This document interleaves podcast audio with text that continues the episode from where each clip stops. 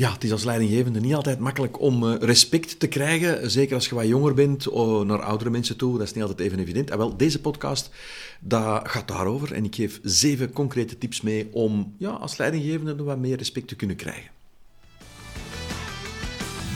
Hallo en welkom bij de Business Diet Podcast. Ik ben Vincent van der Putten en ik deel elke week tips, tricks en tools met je om ervoor te zorgen dat jij de beste versie van jezelf kan worden.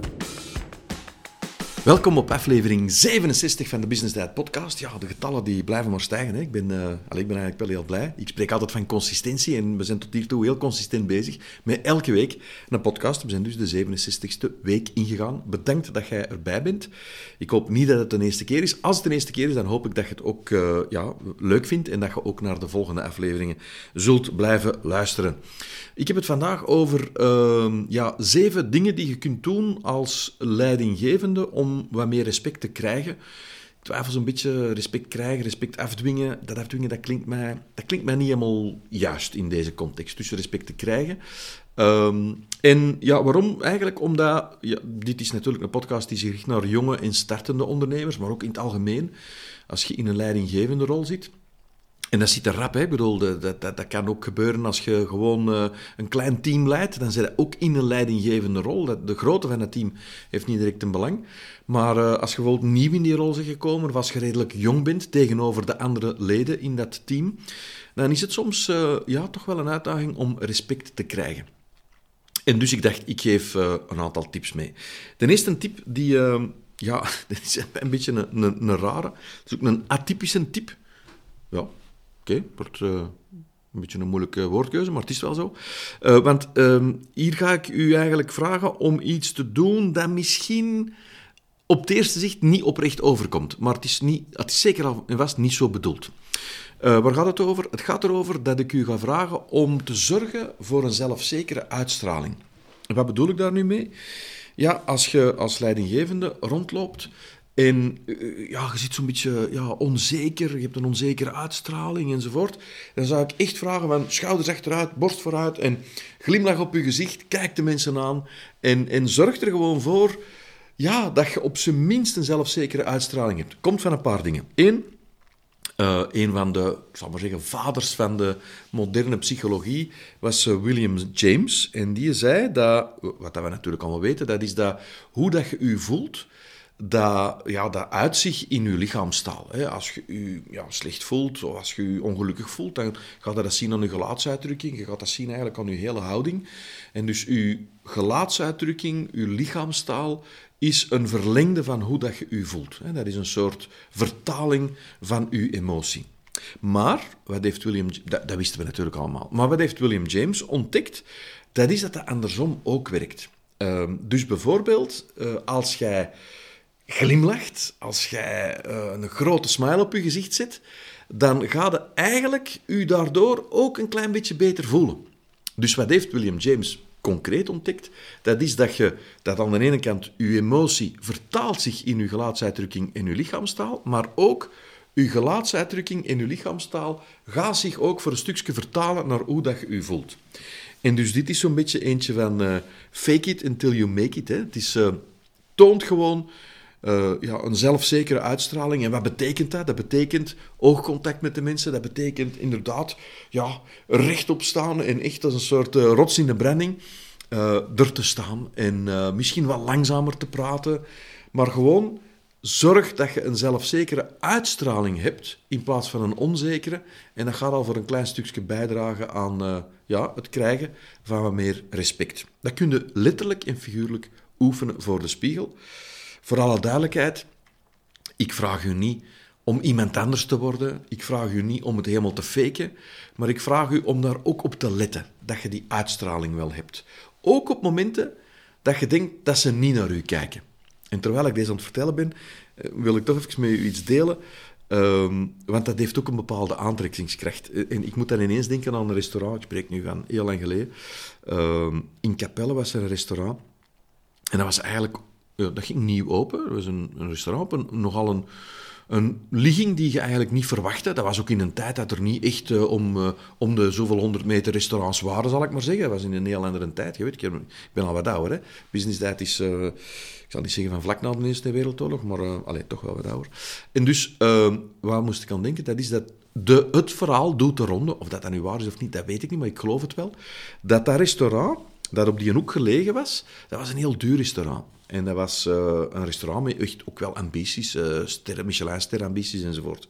Maar natuurlijk, dat was voordat er social media was, dat was voor ja, dat, dat, dat, dat, je op Instagram en op Facebook en zo van alles kon zitten voor de opening van het restaurant. En wat, wat, wat gebeurde er nu? Elke keer als je er voorbij reed, dan zag je daar dure auto's staan op die parking. En dus, ja, dat was een beetje de talk of the town. Want zeg, wat is dat daar? Er zijn altijd dure BMW's, Mercedes enzovoort. Dat, allee, dat moet daar toch wel iets zijn. En zo heeft die man eigenlijk zijn reputatie opgebouwd. Allee, reputatie. Zo is dat eigenlijk gekomen dat, dat de talk of the town werd en dat iedereen er naartoe wil. Dat werd eigenlijk een soort een aantrekkingskracht. Wat bleek nu? Of dat echt waar is, dat weet ik niet. Ik geloof het wel, want ik heb het van een paar bronnen gehoord. Dat is dat hij een aantal afspraken had gemaakt met uh, handelaars in die dure auto's, om die auto's daar gewoon te komen zitten. En dat dat restaurant in het begin, ja, logisch, hè, gewoon nog niet vol was met, of vol zat met, uh, met mensen. En dan ook niet met mensen met die dure auto's. En ik, zeg dat niet uit een beoordeling dat dat goed of niet goed is, daar gaat het niet over. Maar gewoon het feit dat die uh, ook het fake it till you make it uh, principe heeft gebruikt om een soort aantrekkingskracht te worden. Ik moest er ineens aan denken, het zat niet in de voorbereiding van deze podcast, maar ik geef het toch even mee. Uh, als je wilt weten welk restaurant zo dat is, stuur me dan via Instagram een berichtje en dan zal ik eens kijken of dat ik u de naam kan doorsturen. Het is geen restaurant meer, maar het is wel heel lang de place to be geweest daar. En het is zo dus begonnen. En dus, op het vlak van leiderschap, fake it till you make it, een beetje minder, uh, hoe zal ik zeggen, minder slinks of minder sluw dan dat hij dat gedaan had. Uh, maar toon gewoon die positieve, zelfzekere uitstraling. Dat is het eerste. Het tweede, dat, ik trek die lijn een beetje door in uw communicatie. Uh, dat is om heel helder en duidelijk te communiceren. Beter met minder woorden dan met meer woorden. Duidelijk te communiceren wie dat je bent, waar dat je voor staat. En vooral ook tijd vrij te maken om regelmatig terug te komen op wat is de visie? Wat is uw Eiffeltoren? Waar wilde jij naartoe met het bedrijf? Wat is de bedoeling en de waarom? Communiceer dat heel duidelijk. Heel dikwijls in, in gesprekken dat je hebt met de mensen, grijp daar naar terug. Van ja, maar mensen, we moeten, er, we moeten eraan terugdenken. De reden van ons bestaan is dat. Dat is waarom we aan het doen zijn, wat, datgene wat we aan het doen zijn. En wat we eigenlijk aan het bouwen zijn met z'n allen, is dat. Ik spreek niet van de Eiffeltoren, maar ik ken even goed... Ik ben van eh, Antwerpen, of allee, ja, geboren en getogen Antwerpenaar, dat zult u misschien al wel gehoord hebben. Um, en dus ja, dan moet ik altijd denken aan dat verhaal van... Ja, toen men de kathedraal gebouwd heeft... Ja, zo oud ben ik natuurlijk niet, maar allee, als verhaal is toch wel, denk ik, boeiend. Uh, er waren dan natuurlijk heel veel beeldhouwers die bezig waren om al die ornamenten en al die beelden en zo, uh, ja, om die, om die ja, te beeldhouden, hoe zeg je dat? Ja, dus uh, met, een hamer en een beidel te maken. En je kunt je voorstellen dat er dan twee soorten beeldhouwers moeten geweest zijn. De eerste beeldhouwer die, uh, aan wie dat je dan zou vragen van wat zit je aan het maken, en die was dan bijvoorbeeld van een beeld, was die in het, het oorlelke aan het uh, beeldhouden. En dan zou je aan vragen, wat je gaan bouwen? Dan zou die gezegd hebben, oh ik ben hier met dat oorlelke bezig. En zelfs gewoon ik dan een stukje in de nek en, en, enzovoort. En een andere die identiek hetzelfde aan het doen was, als die eerste naar wie dat je die vraag zou gesteld hebben. Als je daar dan zou aan vragen, wat zit jij aan doen? Dan zou die gezegd hebben, ah, ik ben eh, mee aan het bouwen aan de grootste kathedraal van Europa. Hetzelfde werk, maar in een heel andere context. En dus dat is hetgeen dat ik u zou willen vragen om te doen in uw leidinggevende rol. En dan kunnen misschien denken, ja, maar uh, ik, ben, uh, ik leid een team in een Deleuze of in de Carrefour. Wij zijn geen kathedraal aan het bouwen. Ah wel, ga ze ook een kathedraal aan bouwen. Ik weet niet welke kathedraal dat gaan aan het bouwen maar ga ze ook een kathedraal aan bouwen. En ik nodig u dus uit als tweede tip om mee te geven wat is die kathedraal? En om daar regelmatig op terug te komen, in de korte gesprekken dat je hebt met de mensen, of in de wekelijkse vergadering, wat dan ook, dat regelmatig even terug op tafel te leggen en dat op een duidelijke en heldere manier te doen, zodanig dat het een soort kompas wordt voor de mensen en dat de mensen ook snappen dat dat uw verantwoordelijkheid is. Dat jij daarmee begaan bent om ervoor te zorgen dat zij als team, samen met jou, daar naartoe kunnen gaan evolueren. Dat is als je het hebt, uh, ja, vooral in teamgesprekken, in teamgesprek. Niet de intieme gesprek, maar intiem gesprekken. Maar ook in, uh, in één-op-één gesprekken kun je dat doen. En ik nodig u daarbij uit om ook de derde tip te gaan uh, toepassen. Om meer respect te krijgen als leidinggevende. Dat is om regelmatig één-op-één gesprekken te houden. Eh, dat kan formeel zijn, maar dat kan ook informeel zijn. Gewoon even de tijd te nemen om met uw mensen even ja, één op één te praten en gewoon even te zeggen, zit u even, of, of, of wat dat er voor u ook mogelijk is. En gewoon eens vragen, hoe gaat het ermee? En wat gaat er goed? En wat gaat er niet goed? Enzovoort. Maar om dat structureel een onderdeel te maken van uw communicatie. Het dus niet alleen te hebben over die bestelling en dat order moet nog buiten en die factuur moet nog uitgestuurd worden en dus heel situationele dingen. Nee, ja, uiteraard moet het die ook doen, maar daarnaast ook elke week tijd vrij te maken om met uw mensen, en dan als je een heel groot team hebt, dan vooral de mensen die direct aan u rapporteren, die mensen dan, dus uw kernteam, om daar op zeer regelmatige basis een gesprek mee te hebben en gewoon eens te vragen, hoe gaat het ermee? En dan kun je vragen, wat gaat er goed en wat kan er beter? Um, en dan ook bijvoorbeeld ja, vragen te stellen over waar, dat zij naartoe willen gaan, hoe dat zij het bouwen van die kathedraal zien en hun rol daarbij enzovoort. Dat is, als je mijn Instagram-pagina volgt van Business Dads, spreek ik wel eens uh, over uh, working on the business. Hè? Werken aan uw bedrijf, aan uw project, aan uw team, aan uw organisatie. Ah, wel, dat is er een voorbeeld van. De tijd nemen om eens met je mensen samen te gaan zitten en eens gewoon te vragen, hoe is het, hoe gaat het, wat gaat er goed en wat kan er beter. Dus die één-op-één gesprekken, dat is mijn derde tip om als leidinggevende meer respect te krijgen. Natuurlijk is daar echt wel belangrijk dat je zeer uh, aandachtig, minstens aandachtig en liefst empathisch luistert. Echt luisteren om te leren naar wat dat die mensen te vertellen hebben. In dat gesprek moet die andere persoon het meest aan bod komen, het meest aan het woord komen.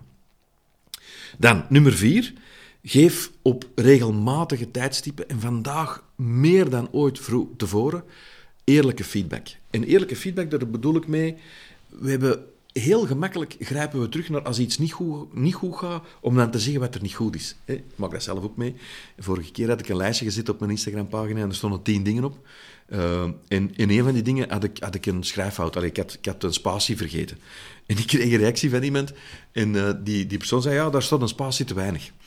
En uh, op zich vind ik dat natuurlijk tof dat mensen mij wijzen op wat dat er beter kan.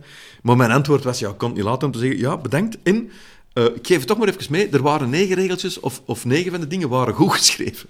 Niet, niet uit een belerend iets. Ik was ook niet kwaad of zo, echt helemaal niet. Maar wij hebben gewoon, wij hebben dat in ons, hè, om te zien wat dat er niet goed is. En om daar dan het gesprek over te doen. Ik heb dat ook thuis. Hè.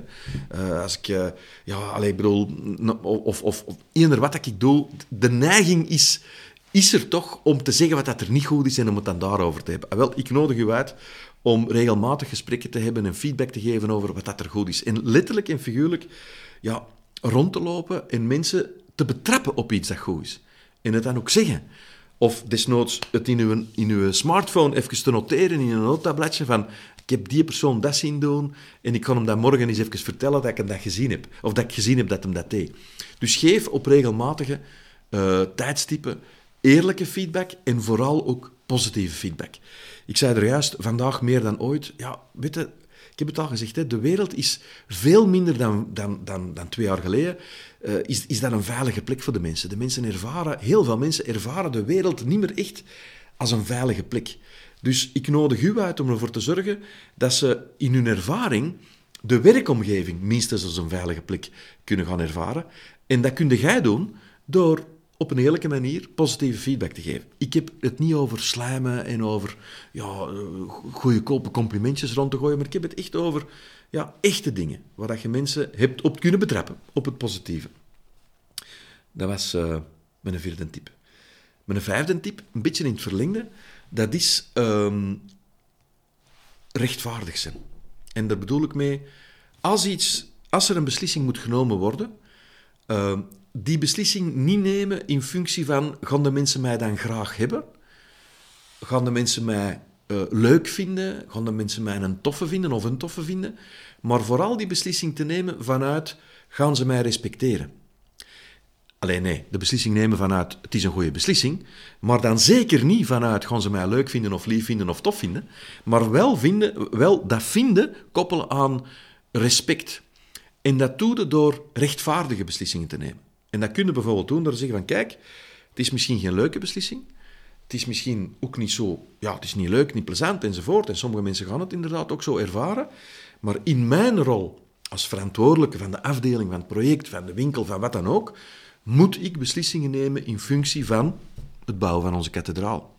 En dan is mijn beslissing op dit vlak is dan deze. En getrancheerd. Je neemt de beslissing en je neemt kordaat die beslissing.